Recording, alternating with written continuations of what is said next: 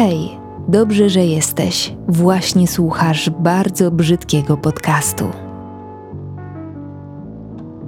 Chyba zacznę od tego, że nie miałam pomysłu na ten odcinek. Tak po prostu, tak się czasem zdarza, już się przyzwyczaiłam, wybaczam to sobie, ale y, postanowiłam również nagrywać dla Was regularnie. Dwa odcinki w tygodniu, jeden bardzo brzydki, drugi bardzo straszny i bardzo chciałabym wytrwać w tym y, postanowieniu, więc musicie dziś przyjąć ode mnie a, takiego audio zakalca. Teraz się zastanawiam, ile osób wyłączyło właśnie to słuchowisko na hasło zakalec. Nie, spokojnie, spokojnie, będzie fajnie. E, zatem kontynuując, jak w takich momentach bywa, o pomoc poprosiłam Was. Na Instagramie zostawiłam zwyczajowe okienko, gdzie mogliście wpisywać propozycje swoich podcastowych tematów i jak to zwykle bywa, dostałam ich dużo, różnych, przeróżnych. I właśnie dlatego, chyba, że były takie różne, przeróżne, tak jak przyszło co do czego, to się okazało, że nie umiem wybrać. Rozgrzebałam kilka planów na odcinek. Generalnie w ogóle cała moja robota z początkiem tego tygodnia to było takie rozgrzebywanie i zagrzebywanie. Mam absolutny zjazd energetyczny i nie jestem w stanie się za nic zabrać.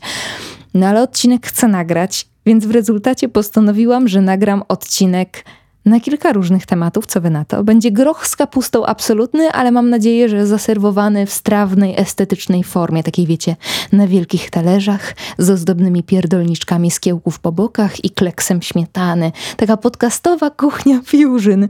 Wygląda jak pełnowartościowy e, odcinek, a tu jeb groch z kapusty. Pierdoli Szmielewska. Okej, okay, więc zaczynamy. Zapraszam. Hubert na przykład chciał, żebym poopowiadała coś o wypaleniu. Ja bardzo chętnie o nim wspomnę, dlatego że tak sobie myślę, że istnieje wypalenie i ym, stan, który mi się czasem z wypaleniem myli, wprowadzając mnie tym samym w stan głębokiej paniki e, i lęku o przyszłość. Ale zacznę od tej gorszej opcji, tego prawdziwego wypalenia, którego według mnie nie należy ignorować. Miałam tak, doskonale znam smak tego stanu, bo miałam tak, kiedy pracowałam na etacie. Wiecie, z logicznego punktu widzenia etat to jest bezpieczeństwo i wciąż tak uważam. Za każdym razem, kiedy gdzieś w moim własnym towarzystwie czy w przestrzeni tutaj podcastowej pojawia się temat e, własnej działalności versus e, pracy na etacie, to zawsze podkreślam, że etat daje poczucie bezpieczeństwa. Według mnie to jest bezdyskusyjna kwestia. Wiecie, stała wypłata, mm, dodatkowo miałam super ludzi, bardzo ciekawe ciekawą pracę, bo pracowałam w agencji reklamowej na stanowisku copywriterskim. To było ciągłe wymyślanie, ciągła praca kreatywna. No bajka, dla mnie bajka.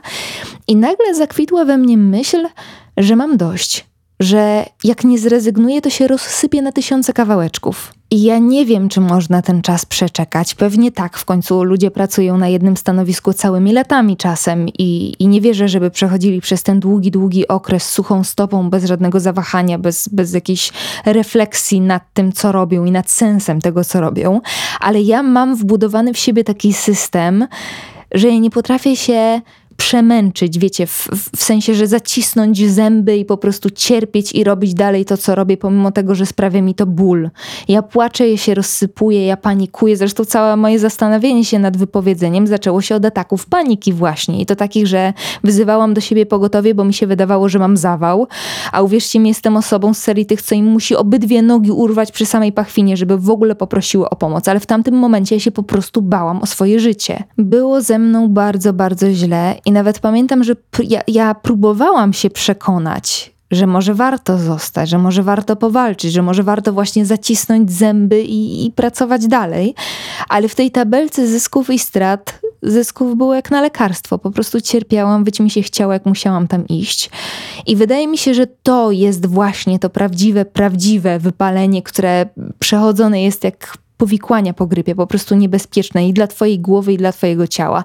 I jest też według mnie drugie wypalenie, takie udawane wypalenie, wypalenie pułapka, czyli po prostu twórczy zastój. Ja wprost uwielbiam od czasu do czasu dochodzić do wniosku, że jestem wypalona do cna, bo tak jak gdzieś na przykład nie mam pomysłu, nie chce mi się, jestem zmęczona, mam gorszy dzień i wtedy mi się wydaje, że nic mnie już w materii, którą się na co dzień param, nie czeka, że dotarłam do muru, czas zmienić zawód i powołanie i w ogóle całe życie przemeblować, tylko że to bardzo szybko mija. To jest dosłownie kwestia jednego dnia i ta energia z powrotem wraca.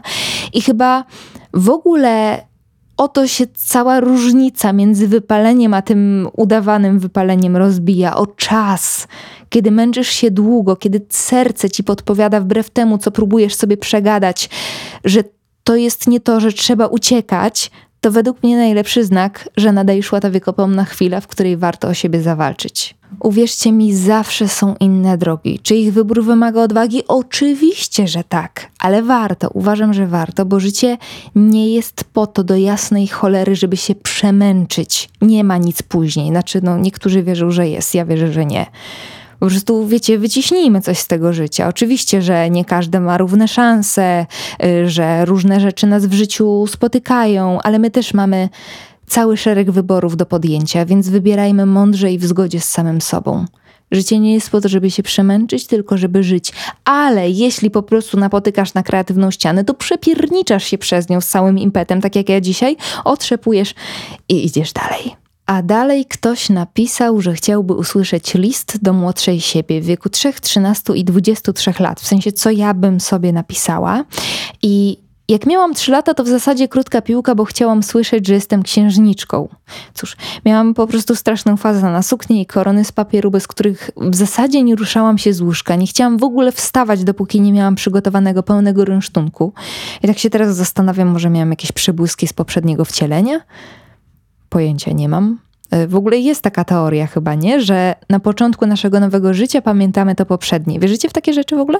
Ciekawe to jest dla mnie strasznie, chociaż sama nie wiem, co o tym myśleć. Um, śmiesznie by było. Wracając, babcia mi kupowała na targu u tak zwanych ruskich e, takie falbaniaste sukieneczki bezy, no i śmigałam w nich z koroną na łbie, którą mi mama przytwierdzała do głowy taką grubszą gumką jak do majtek calutki dzień. Więc e, tu większej filozofii wydaje mi się by nie było. Poza tym listu bym nawet nie przeczytała, bo nie umiałam czytać. Jak miałam 13 lat, to bardzo chciałabym usłyszeć, że jestem ładna. I wiem, że to jest płytkie strasznie i że obecnie się często słyszy, że dziewczynkom nie powinno się mówić, że są ładne, szczególnie w tych pierwszych słowach, tylko chwalić za inne, mniej fizyczne aspekty ich osoby. I żeby nie było, uważam, że jest w tym bardzo dużo racji. Absolutnie temu kibicuję. W końcu w przypadku chłopców aż tak bardzo się na wyglądzie nie skupiamy i to robi gigantyczną różnicę w przyszłym postrzeganiu siebie. No ale zakładamy, że mam już te 13 lat, tak? To jest wymyślony scenariusz, w którym teraz mówię tej 13-letniej sobie, sobie z przeszłości coś. I to były zupełnie inne czasy. Ja miałam już w głowie, że trzeba być mi grzeczną i dziewczęcą, i ja się zupełnie w tej dziewczęcości nie odnajdywałam. Miałam trądzik, wiecznie tłuste włosy, pomimo tego, że myłam je prawie codziennie. Byłam, jak to mówił ktoś z rodziny, ni pies, ni wydra, zawieszona gdzieś między byciem dzieckiem a kobietą. 13 lat to w ogóle był wiek, kiedy dostałam pierwszej miesiączki i czułam się dosłownie jak brzydkie kaczątko. I nikt mi nie wytłumaczył, że to jest okej. Okay. Słyszałam oczywiście od mamy przeróżne komplementy, ale też to, że już ładniejsza nie będę i to mnie absolutnie przerażało, bo przecież czułam się z moim dojrzewającym ciałem najgorzej, najgorzej na świecie. Z drugiej strony domyślam się też, że gdybym usłyszała, że jestem ładna, co czasem słyszałam, to wcale nie potraktowałabym tego jako fakt.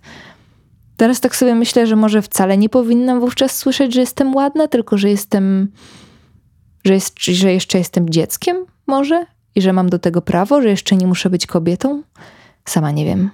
Jak miałam 23 lata za to, Jezu, w ogóle jaki to był cielęcy wiek, słuchajcie. Ja mam wrażenie w ogóle, że byłam głupsza wtedy niż w liceum.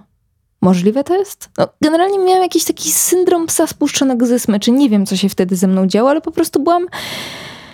No, nie byłam taka, jaka... Nie jestem dumna z tego, jaka wtedy byłam. Może tak. E, więc co chciałabym usłyszeć? Mm, przede wszystkim chciałabym usłyszeć, że jak facet ci mówi, że cię kocha, to nie zawsze chodzi mu o to, że chce spędzić z tobą życie do grobowej deski, a jak ty mówisz facetowi na pierwszej randce, że go kochasz, to to nie jest dobry pomysł.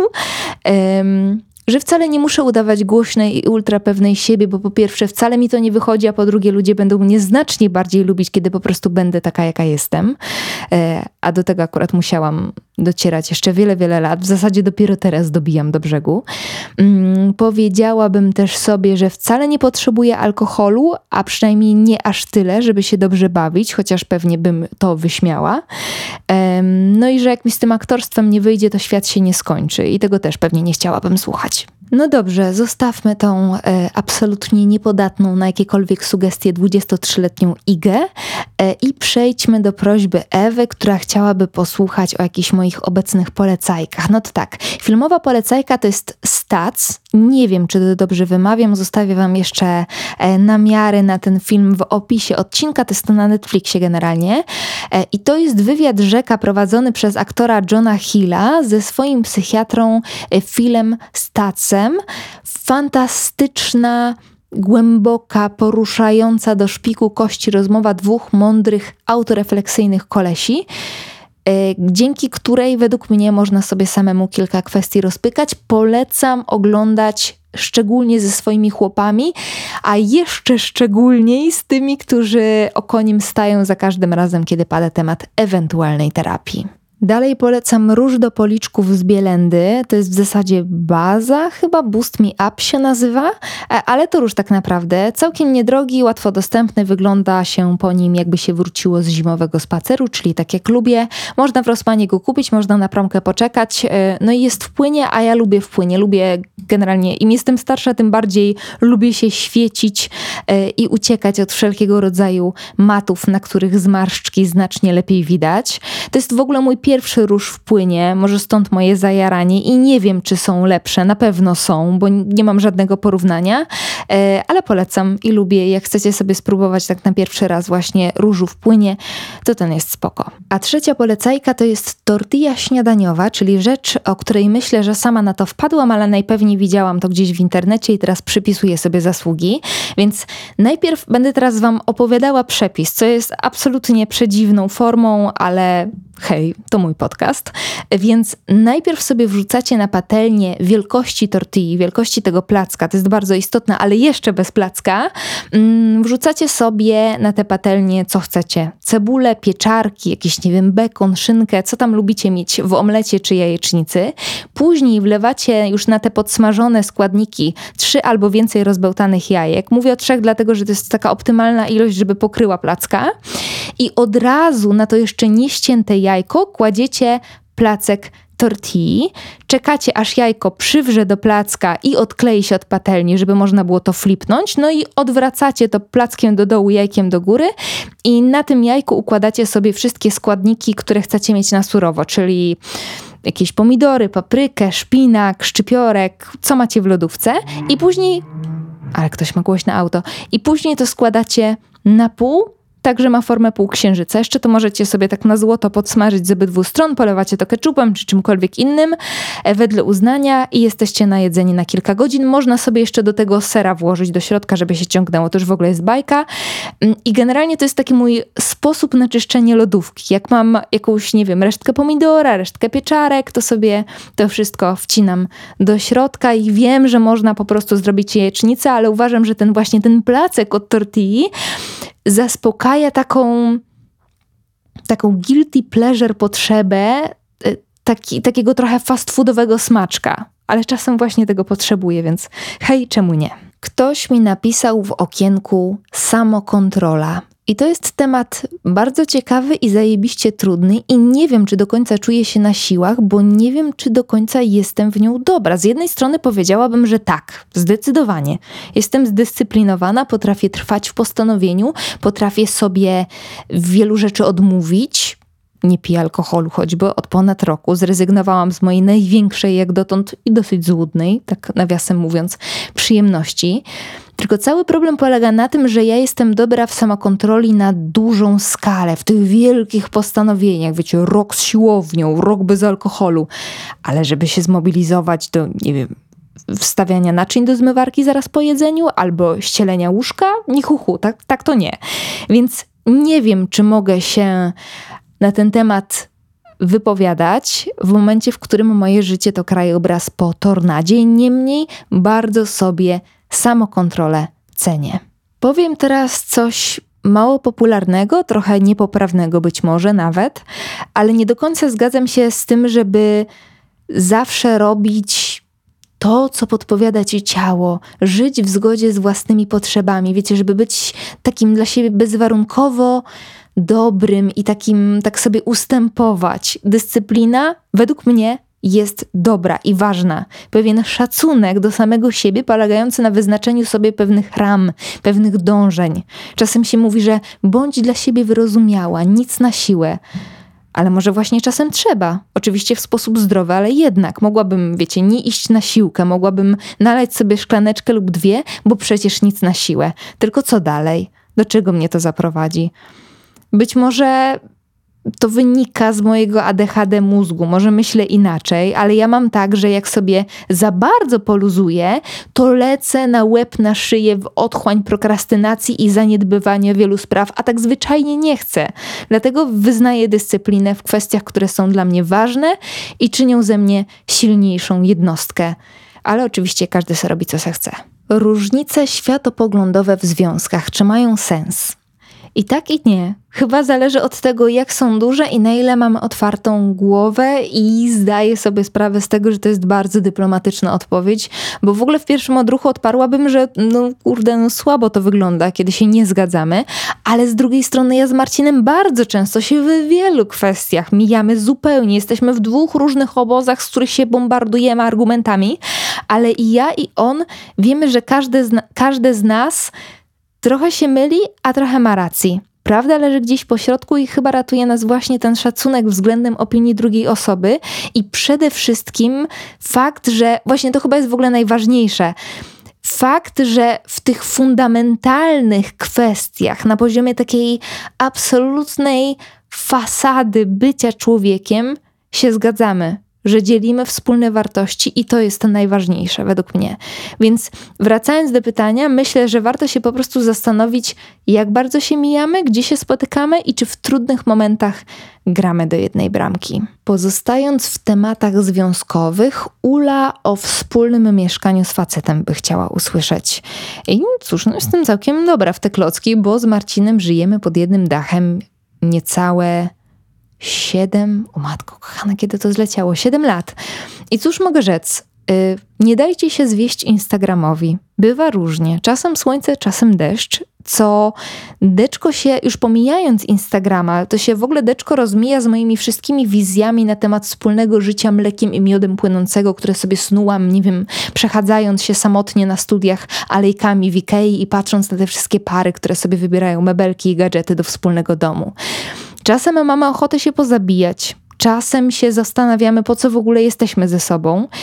I uważam, że warto o tym mówić, bo się małe, tak mi się wydaje, małe się tabu robi z tego, jak wygląda wieloletni związek. Może dlatego, że popkultura i media traktują zwykle o tych romantycznych początkach, kiedy można, wiecie, leżeć godzinami patrzeć sobie w oczy świata poza sobą nie widzieć. Może tak, nie wiem. Ale warto pamiętać, że w końcu przychodzi codzienność, przychodzi rutyna, e, przeróżne problemy i niepowodzenia i to jest okej. Okay. To jest przede wszystkim część życia, również tego we dwoje.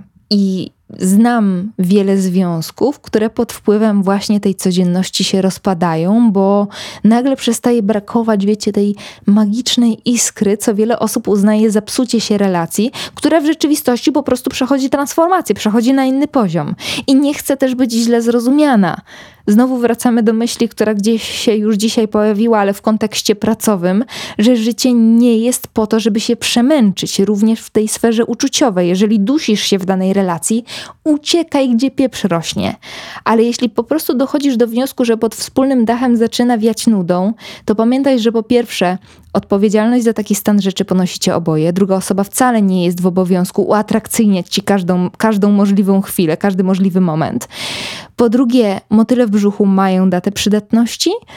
A po trzecie, wiesz, jeśli miłość, szacunek i zrozumienie, takie właśnie fundamenty związku są na swoim miejscu, to wszystko gra, naprawdę. Wspólne mieszkanie, według mnie oczywiście, wszystko o czym dzisiaj mówię, to jest według mnie, pamiętajmy o tym, dobra? Macie pełne prawo się ze mną nie zgadzać, ale według mnie wspólne mieszkanie razem, takie wieloletnie, to jest ciągła zabawa w kompromisy i ten wspomniany już szacunek, pielęgnowanie tej relacji i wreszcie zakochanie się w tej codzienności, którą można teraz ze sobą dzielić. Ja na przykład bardzo to lubię. I ostatnie zagadnienie dzisiaj, kompletnie tym razem zmieniamy klimat. Patrycja chce posłuchać o przygodzie z gotowaniem, kiedy nie jest się urodzonym masterchefem. A pamiętacie z części polecajkowej moją śniadaniową tortillę? No to jest właśnie mój przepis na bycie kucharzem, który pomimo dwóch lewych rąk coś tam jednak potrafi. Ale w ogóle to przede wszystkim polecam się odkleić od myśli, że nic, absolutnie nic nie umiem zrobić w kuchni, jak trzeba to wodę przypalę. Też tak powtarzałam, a jak przyszło co do czego, to się okazało, że gówno prawda. Przestałam sobie też robić wyrzuty związane z tym, że nie umiem robić, wiecie, skomplikowanych, zaawansowanych, fikuśnych, wielogarnkowych dań i zaczęłam doskonalić sztukę takiego wręcz prostackiego, niekiedy zalatującego akademikiem jedzenia. To wcale nie oznacza, że ma być nudno i niezdrowo, tylko prosto. I w tym tkwi moja tajemnica gotowania w domu, którą uskuteczniam już od dłuższego czasu. W ogóle się dowiedziałam, że moja ciamajdowatość, nazwijmy to w ten sposób w kuchni, może wynikać z ADHD, słuchajcie. Na przykład to, że zapominam, co kupiłam i rzeczy potrafią umierać w lodówce tygodniami, podczas kiedy ja idę po tę samą rzecz do sklepu po raz trzeci, bo wydaje mi się, że jej nie mam, a mam i w ten sposób kończę z czterema pudełkami ryżu, które obecnie posiadam w szafce, może ktoś chce albo właśnie brak umiejętności gotowania na kilka garnków, zawsze coś spalę, zawsze coś rozgotuję. Chociaż też do tego, że ma być prosto, doszłam jeszcze przed diagnozą. Po prostu tak jest mi najwygodniej. E, robię małe zakupy na maks dwa dni. Nie mam nigdy bardzo dużo rzeczy w lodówce, bo to mi się po prostu nie sprawdza i dużo jedzenia się marnuje. I gotuję takie prostackie dania, jak na przykład spaghetti z sosem Napoli. Brzmi wykwintnie, a tak naprawdę to są po prostu pomidory z puchy, czosnek, bazylia plus przyprawy, jakie nam chcecie. Później to blendujecie, jeb w to makaron i macie. Albo obieracie warzywa, wrzucacie do szkła odpornego, polewacie to olejem, posypujecie przyprawami. Na koniec pieczenia wrzucacie tam jeszcze ser i voilà. O takie o. Po prostu gotuję bez poczucia winy, że nie umiem więcej niż umiem i to mi się sprawdza. Zauważyłam też, że na przestrzeni miesięcy więcej kuchennych czynności przychodzi mi z większą łatwością, tak bardziej automatycznie, że nie muszę się, wiecie, zastanawiać, e, tylko po prostu to robię, tak jakbym już pamiętała co po czym, więc jest to również dobra prognoza na przyszłość. Może w kolejnych miesiącach będę w stanie podzielić się z Wami nieco bardziej skomplikowanymi przepisami. Czy lubię gotować? Cóż, wciąż nie za bardzo, ale już nie ściemniam, że nie umiem, bo taki mindset szkodził wyłącznie mnie, no i mojemu portfelowi. Żarcie na dowóz tańsze nie będzie. I tym pozytywnym akcentem właśnie kończycie jeść podcastowego zakalca. Uśmiechacie się, coś tam skubiecie, ale macie świadomość, że za ten przypalony spód będzie trzeba jakoś kulturalnie podziękować, bo jest absolutnie niejadalny. Y, sorry i nie sorry, bo jedni w ogóle, mam jakiegoś takiego, wiecie, moralniaka, że tak siadłam bez pomysłu do tego mikrofonu. Y, jedni by powiedzieli, po co nagrywasz w takim razie, jak nie masz pomysłu? I to jest bardzo dobre pytanie. Nie wiem, bo na przykład lubię, bo to jest mój podcast i mogę robić tutaj co chcę. Ja się, powiem wam, cieszę z tego odcinka, bo miałam szansę pogadać do mikrofonu, a miałam taką potrzebę. I powiem Wam, że w ostatnim czasie dużo we mnie wdzięczności za ten mikrofon, za ten podcast, za tę przestrzeń, którą sobie tu tworzę i za Was, że ktoś tu jest i słucha. To jest strasznie, strasznie miłe. Nawet sobie może nie zdajecie z tego sprawy, jak to jest miłe dla mnie. Dziękuję.